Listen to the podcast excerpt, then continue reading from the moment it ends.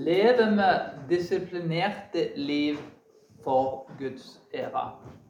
Jobber vi systematisk for å spre Guds rike på en disiplinert måte? Det er noen statistikker som kanskje viser at samfunnet vårt, om ikke kulturen vår, kanskje ikke alltid gjør disse tingene. Vi skal bare lese opp disse statistikkene for dere, som får et innblikk i hvor utrolig mye tid mange sløser i løpet av en dag. Ansatte sjekker e-mailen sin 121 ganger til dagen. 7,5 timer i uka blir brukt på sosiale medier. Ansatte bruker 21 timer online. 2,34 timer på å sjekke e-mail. 35 timer på å bestemme hva du skal spise.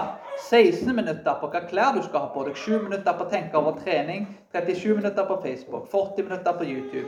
4 timer på å se TV. 96 minutter på websider. 171 minutter på smartphone og 90, timer, sorry, 90 minutter på ulike typer forstyrrelser. Så det er svært mye tid i hverdagen som forsvinner. Tenk om en ikke hadde hatt uh, iPhone og smartphone og, og, Internett. Hvor mye tid en hadde hatt til å andre ting. Det er for min del at Plutselig hadde jeg hatt masse tid til å gjøre ting. Og ikke misforstå meg, disse tingene er jo åpenbart en stor velsignelse og har mange gode ting som de bringer med seg. Bare det å kunne høre på podkast og, og, og, laste ned ting er jo en stor velsignelse. Men, men det har òg gjort at vi har blitt flinkere til å sløse tid. Og svært ofte er det sånn at en ofte kanskje tror at en har det mye travlere enn en har det. Nå er det jo travelt, alle har ulike situasjoner. Det kan være jobb. Eh, når en har barn, så blir en jo veldig travel. Så, så det, åpenbart er det sant i mange tilfeller òg.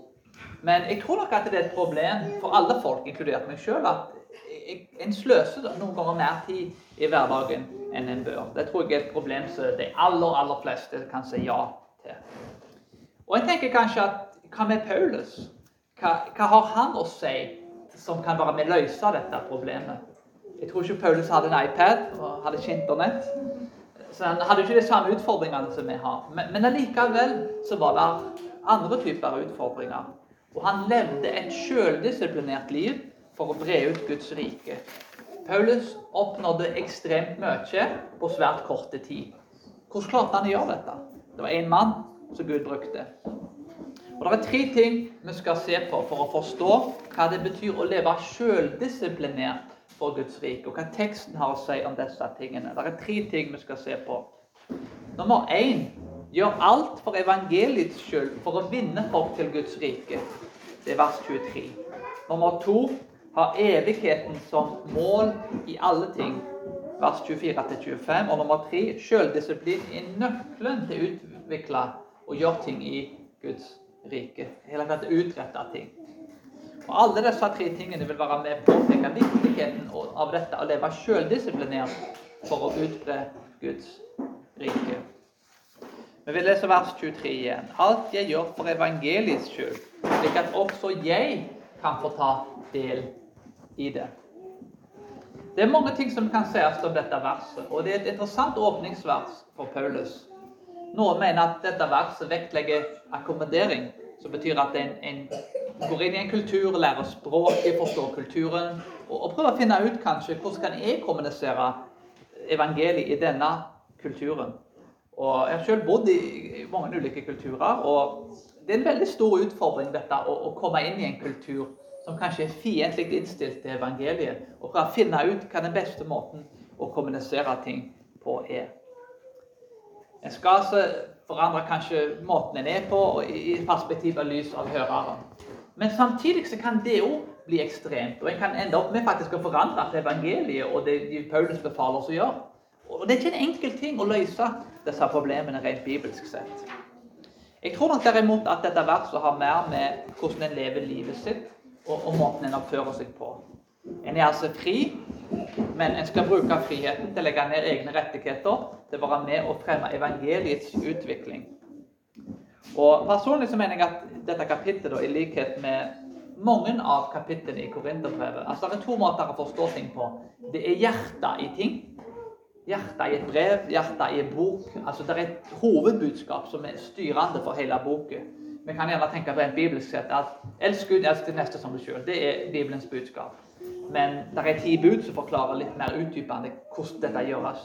Og så er det 613 bud og en hel haug med andre prinsipper og bud i Det nye testamentet som forklarer hvordan dette ser ut i praksis. Så Noen ganger da, så, så, så har du disse to tingene da, som Hvis det er et bud for eksempel, i Det nye testamentet, som, eller gamle for den del, som, som da gjør at en, en hater naboen sin En elsker ikke naboen, en hater naboen. Så går det veldig i strid med nestkjærligheten og dette elsker av neste som oss sjøl.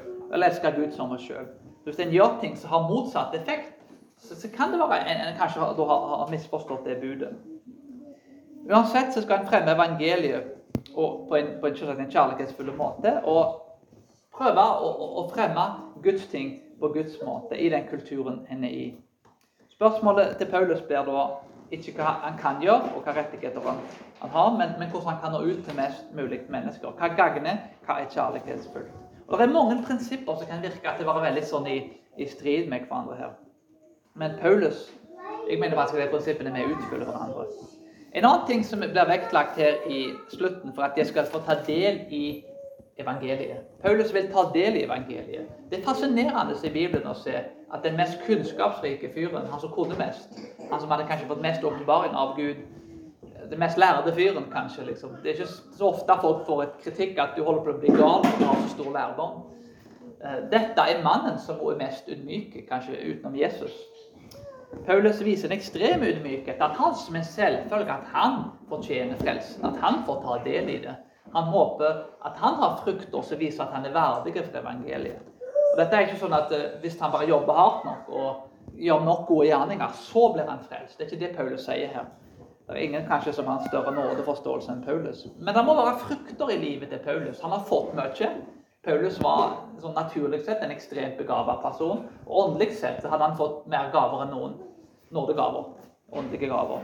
Så dette er en person som Gud forventer mye av. Så det er kanskje det at han, han, han har fått mye, og derfor blir veldig mye forventa av han. Men det er en enorm ydmykhet i dette å tro at en ikke automatisk bare er frelst eller leve et ugudelig liv. Paulus vet at han må gjøre en innsats for at ting skal gå på rett måte. Og Det er mange illustrasjoner som vi kunne brukt for å prøve å fange opp disse tingene med hva det betyr å gå inn i en kultur og samtidig som, som en skal trofaste mot evangeliet. Men uh, jeg vet ikke om dere så den uh, på teologitavla. så det, Kanskje dere så den, den podkast-episoden som ble lagt ut. Det var veldig morsomt, det, det, de svarene som kom på de episodene. Dette hadde jo med underordning å gjøre forhold til ekteskap og den type ting. Og den kjønnsforståelsen da, som ble snakket om der Jeg syns jentene faktisk gjorde en veldig god jobb var balanserte. og var, La det fram på en veldig behagelig og ja, ydmyk måte. Men, men, det var veldig morsomt å se svarene som kom på dette her. Det var en, en, en episode på Teologitavla, eh, så kan du finne det på, på YouTube. Eh, at de ville da de mente da at eh, det var jo en, en viss form for, for lederskap i forhold til mannen, og en viss form for underordning i Bibelen. Og igjen, Dette var unge jenter som hadde kommet til disse konklusjonene. Ingen tvang de til det. Men svaren her var da at uh, leste, kommentarene. Er det, mulig, er det mulig i 2012? Maken til komplett sprøtt tankesett. Forkastelig, skremmende. 1950 ringte vil ha tilbake holdningene sine. Vi lever i 2022. Disse folkene trenger psykolog. Så Det er liksom noen av svarene som er for på disse tingene. Og Det er litt fascinerende å tenke på at når folk kommer til disse konklusjonene av egen fri vilje, så er det ofte svært liten respekt for disse tingene.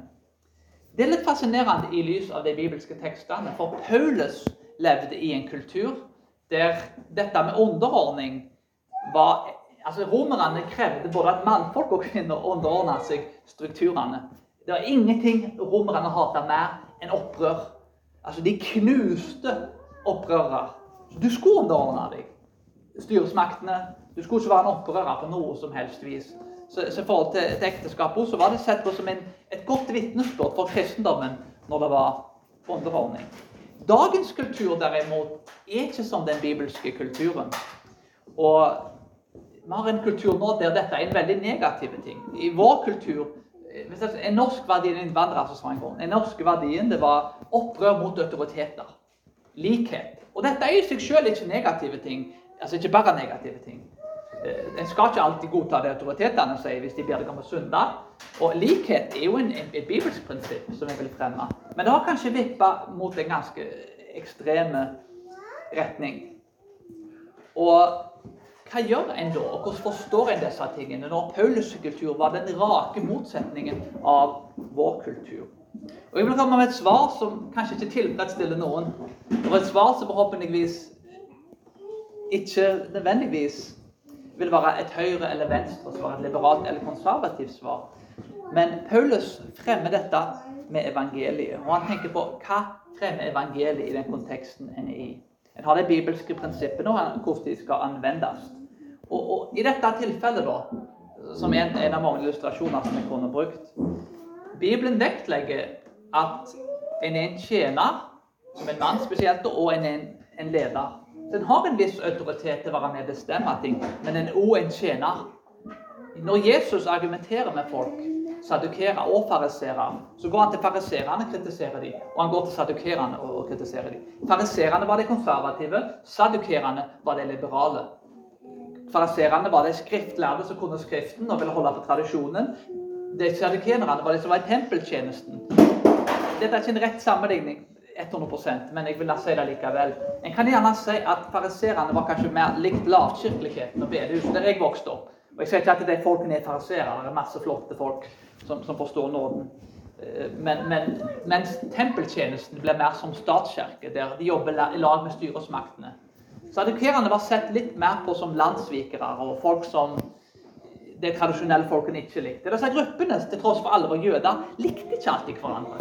Og Jesus kom inn til disse gruppene og sier mitt rike er ikke av denne verden. Og Han kritiserte begge syne. Og En kan gjerne si da at, at venstresida kanskje er mer opptatt av at mannen skal være en tjener, mens høyresida er mer opptatt av at han skal være en, en, en leder da, eller overhode. Men begge deler er bibelske. Begge prinsippene er bibelske.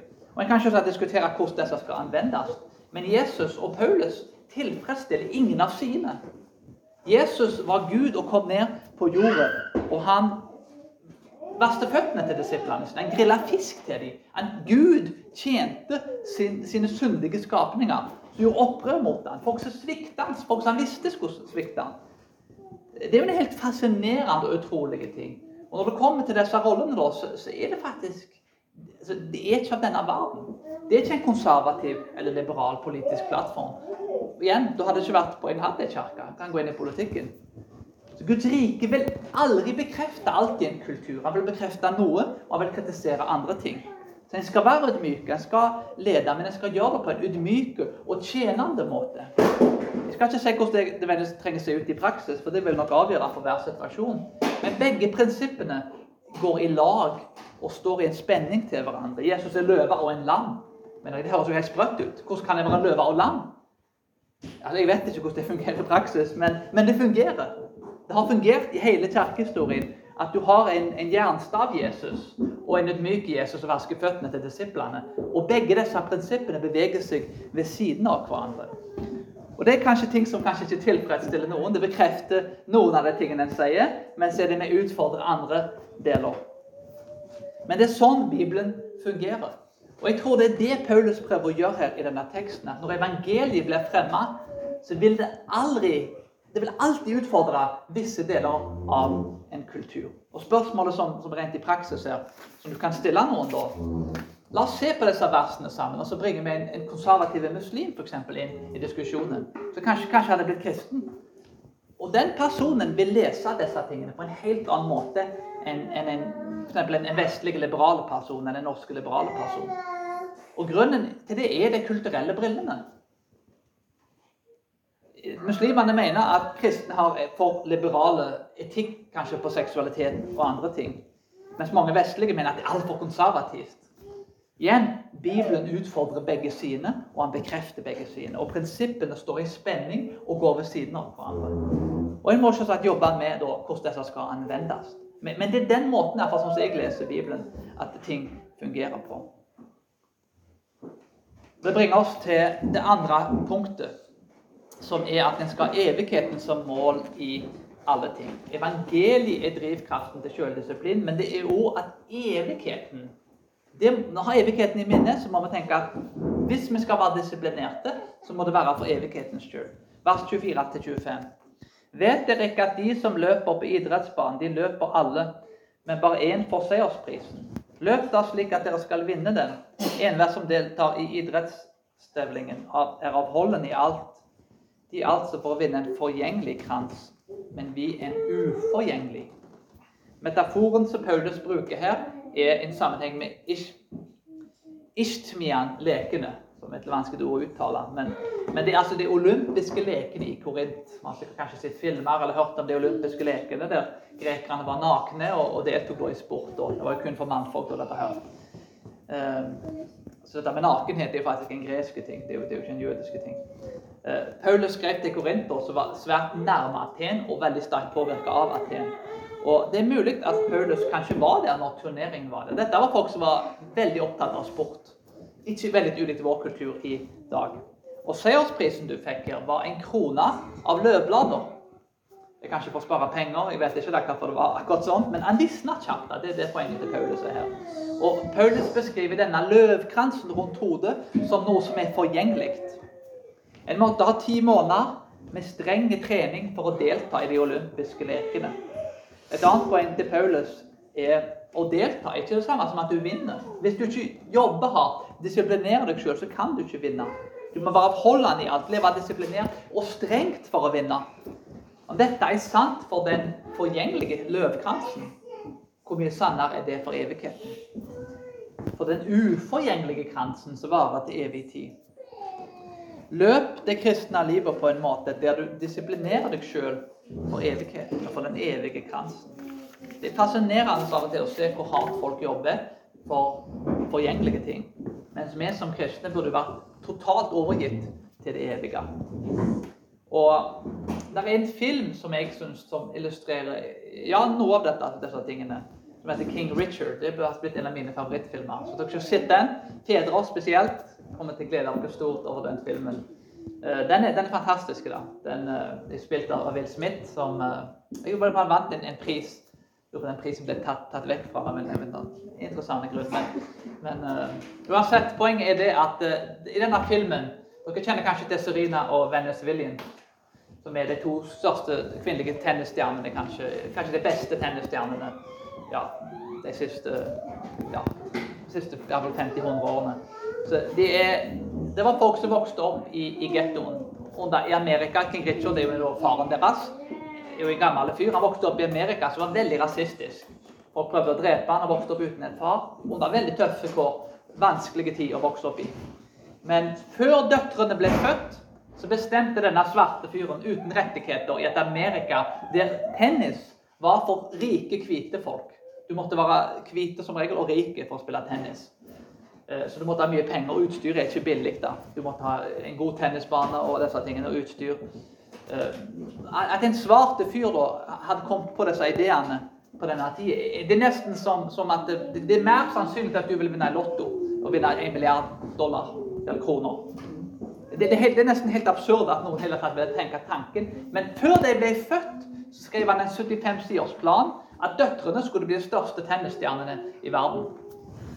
Og folk de av han. Denne fyren var sannsynligvis gal altså Folk skratta og av ham. Det var den største torsken sikkert de hadde truffet i sitt liv. Mannen er spinnhakkende gal. Og, og, det var egentlig en form for galskap å bare foreslå det. For det første, hva er sannsynligheten for at dine døtre er kommer til å bli verdens beste tennisstjerner? At de har det talentet? At du tror det før de blir født? Du har ikke sett dem engang. Du vet ikke om de har et atletisk talent. Du bor i gettoen. Du har ikke råd til tennisbaner gjengene, Han ble prylt opp av gjengene under flere omstendigheter fordi han, han skulle trene i tennis. Og, de, og gjengene så, så med, med, våpen og stoff kontrollerte tennisbanene. Dette ser du i filmen så vel som i boka. Han ga aldri opp. Han var overbevist. Han, han hadde en krystallklar tro. Døtrene hans kom til å bli de beste tennisstjernene som, som noensinne. Det er svært få som ler av han i dag. King Richard har fått navnet King Richard Nettopp fordi han oppnådde alle målene sine. Den 75-sidersplanen, som virker som en, en, gal mann som skrev noe på et papir, er, er faktisk blitt en realitet. Serena og Vennes Williams er de to største tennisstjernene som har eksistert. Og de kom ut av ingenting. Hadde det ikke vært for faren, så hadde de, det, er ikke mulighet at de hadde vært der de er. Han satt et mål for døtrene sine Og i dag vet omtrent alle hvem Serena Williams spesielt det og Venus Williams. Og i finalen så spilte de mot hverandre, og de var de to beste. Det, det er en helt utrolig ting å se hvordan noen kan overgi seg til noe, og hvordan det kan bli oppfylt. En anvendelse her er skriv ned planen din for ditt liv, for familien din sitt liv, gjerne for ungene sitt liv. Legg en plan og prioritere hvordan du skal oppnå disse målene. Hva blir ditt bidrag i Guds rike? Hva vil du si når du er 80 år gammel? Dette gjorde jeg for Gud. Dette var mitt bidrag til Guds rike. Hvis en, en, en flyter rundt i sjøen og ikke vet hvor en går, så kan det godt være en ender opp på ingen plass. En ender opp egentlig til å flyte rundt omkring, og kanskje en ender opp på en god plass, kanskje ikke. Men hvis en svømmer mot et mål, så vil en ha mye større sannsynlighet for å oppnå det målet. Men evigheten Igjen, hvis King Richard kan, kan gjøre disse tingene for, for en forgjengelig krans, en, en, medalje og penger og, og ære i tennisverdenen, hvor mye mer bør vi da gjøre det for det som er evig? Det bringer oss til det tredje punktet. Selvdisiplin er nøkkelen til å utrydde store ting i Guds rike. For å oppnå alle disse tingene, for å fremme evangeliet, for å gjøre dette for Guds rike og for evighetens skyld, så må en ha selvdisiplin. Vers 26-7. Så løper jeg da ikke som på det uvisse, jeg kjemper som en, ikke som en som forfekt, forfekter i løse luften, men jeg undertvinger mitt legeme og holder det i trelldom, for at det som forkynner for andre, ikke skal finnes uverdig. Boksing var jo en ting i denne kulturen som var viktig i de greske lekene. Bokserne hadde skinnhansker og igjen, eh, Jeg er ikke noen bokseekspert, men, men, det er en hard sport. da. Du trenger god kondisjon. Du, trenger, du må egentlig bare gå, kanskje gå trent over hele kroppen. Du bare raske, eksplosive. Men de hadde altså skinnhansker som Det var vondt da å slåss kan du si, for en, en, en ganske knyttneve i fjeset. Så dette var en brutal sport da på denne tida. Mye blod og svette og tårer. Voldelig sport. Skyggeboksing da blir å slå i løse luften. Men det er ikke noen måte å forberede seg på det. Det Paulus vel fram til her for en boksekonkurranse. Du må ha ordentlig eh, bokseerfaring. Men én ting en bokser må gjøre, og det vet jo alle som har sett uh, Rambo-filmene, eller boks sjøl, for den del, og uh, Rocky-filmene så vel som Dette er jo filmer, og så vel som prinsipper som Paulus vektlegger, som en undertvinger legemet sitt, en disiplin. Og jeg liker den, den oversettelsen her, faktisk. At jeg undertvinger mitt legeme i trelldom. Altså, legemet blir en trell. Du, du, er i full kontroll av legemet ditt. Du disiplinerer deg så hardt at du kommer til å vinne til slutt. Paulus mener at selvdisiplin, det å undertvinge legemet, dette holder de trelldom, er nødvendig for å vinne løpet. En kan si at Paulus sitt liv var en refleksjon av dette. En mann som ikke sløste tida si. Som lagde telt, som forkynte Han utretta kolossalt mye for Guds rike på svært kort tid. Det var et ganske kort liv kanskje sammenlignet med hvor lenge vi lever i dag. Men jammen meg fikk fyren gjort mye da. Og det er noe med dette her med, med disiplin. En bok som jeg leser på lederskapskurset med, for eldste. da, og Det er jo en bok som heter Jocko Williams, som kanskje sitter på YouTube. Veldig god på det der med lederskap. En tøff kar. og en, men, men Navy Seal og har vært militær i mange år. Og Han vektlegger dette med at disiplin gir frihet. Når en disiplinerer seg sjøl, så får en faktisk frihet som et resultat av det.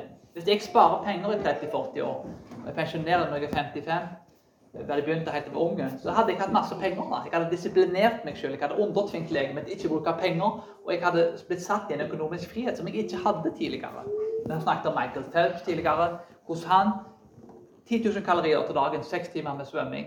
Det høres ikke ut som et behagelig liv, da kanskje spisingen mer enn en svømmingen. Men, men, men, det er mye mat. da. Det er over fire ganger så mye mat jeg spiser hver dag. Bare å spise liksom, er jo faktisk nesten en, en, en trening for han da. Og, men det var et disiplinert liv som gjorde at han vant den medaljen. Et liv uten disiplin er et liv som John Piper sier Don't waste your life. Altså, Ikke kast bort livet ditt. Livet ditt er verdifullt. Ikke kast det bort. Bruk det på de tingene som Gud har kalt deg til. Og Det er mange typer anvendelser som vi kan lære her. Men jeg vil gjerne at vi skal stille spørsmålet hva er ditt bidrag til Guds rike? Og Det er noe du selvsagt må, må finne ut av sjøl med Gud skriv det ned. Det er noe helt spesielt med å skrive ting ned. Ikke 75 sider, kanskje, sånn som han der King Richard gjorde. Eller kanskje det òg, da, for det som ønsker det. Men det er jo en stor jobb, da. å skrive en bok om, om visjonen. Det, har du den tida i hverdagen, så det er flott. Men, men prioriter å sette et endemål og gjøre ferdig én ting først. Jobb systematisk for å utrette de tingene som Gud har gitt deg. Og sjølkontroll er faktisk en av de åndelige fruktene. Det er en av de åndelige fruktene som Gud gir oss, og kan gi oss. Vi kan vokse inn i. Noe lettere for noen enn det for andre, men det er noe vi må jobbe mot. Å kontrollere oss sjøl og være disiplinerte. Dette er jo veldig i strid med, med dagens formidling. At en er, en er, et dyr, egentlig. Det, et avansert dyr som har utvikla seg over millionervis av år. Altså, og da lever mange folk som de er dyr. For de blir fortalt at de er dyr. Man bør ikke være overraska at vi får et samfunn der folk i stor grad lever ut av appetittene sine. Mens, mens, Bibelen vektlegger dette med selvkontroll. Vi er skapt i Guds bilde. Vi er ikke skapt til bare å følge alle lystene våre. Vi skal ha kontroll på livene våre. Oppsummeringen her blir jo at eh, en skal ha evigheten som mål, disiplinere oss sjøl. Og alt dette blir gjort for evighetens skyld. Men det blir gjort for å vinne folk til Kristus. Det er hovedmålet. Det blir også gjort for å bygge et bedre samfunn, og la det være et vitnesbyrd for de som vil ta del i det. Men når en hører om disse tingene, så tenker jeg kanskje, og jeg tenker iallfall sjøl, at jeg har sløst vekk mange år av min ungdom. Jeg har tider der jeg bruker mer tid på internettet og ja, kanskje sosiale medier så vel som andre ting, mer enn jeg bør gjøre. Og det er jo ingen som strekker til på disse tingene. Og det er ikke for at jeg skal alltid sitte med forferdelige samvittighet hver gang han har sløst et minutt. Men heldigvis setter vi liten vår ikke til at vi skal bli bedre, og at vi skal gå i loviske handlinger. Vi setter liten vår til Jesus Kristus, som undertvang legemet sitt på en måte som er et forbilde for oss alle, på en perfekt måte. Der han kom ned til oss og døde for oss. Og han er kilden som gjør at vi er uselviske, blir mer uselviske og blir transformert. Og at vi kan være hans tjenere og bli, bruke legemet vårt og undertvinge det. Gjøre det til en trell for han, sånn at vi kan utrette hans gode vilje. Og det er hans kjærlighet vi blir grepet av, som Paulus vektlegger i Korinterbrevet. Der vi vil bringe evangeliet ut til alle folk. Og Vi ser at den atletiske bildebruken i 1. Korinterbrev 9 forteller oss at lidenskapen for Kristus ble opprettholdt av Hans nåde. Og Dette gir oss styrke til å være med å fullføre det løpet når den endelige seieren venter oss med den oppstandende Kristus. Vi oppnår ikke mål. Alle har sløst mer tid enn vi bør. Men takk og pris for at vi ikke hviler i våre gjerninger og i våre feil. Da hadde vi ligget tynt an. Vi hviler i korsets kraft, i dets blod og i dets nåde. Og det er motoren og drivkraften som vi alltid kan dette tilbake på. Og har en sløst masse tid og alle disse tingene, så kan en alltid vite at en blir tilgitt for det. Og en må prøve å jobbe hardere for å bli bedre. Men vi må sørge for at det skjer i Guds kraft, av Hans nåde, og ikke i oss sjøl. Det er et sitat fra A.W. Tozer som kan være nyttig å ha i minne i lys av disse tingene. Jesus ble oppstått for oss, og det gjør at vi får kraft til å gjøre disse tingene. Men når du dreper tida, sier Torser, så husk at tida har ingen oppstandelse. Jesus oppsto fra de døde, men tida vår den oppstår ikke fra den døde. Tida vår Denne søndagen får vi aldri tilbake. Dette minuttet får vi aldri tilbake. Du kan ikke gå tilbake kan forhåpentligvis bli gjenoppretta hvis den gjør noe galt med folk og andre ting. Men tida vår har ingen oppstandelse. Så la oss leve og bruke tida vår som vi lever for Han som er oppstanden. La oss be.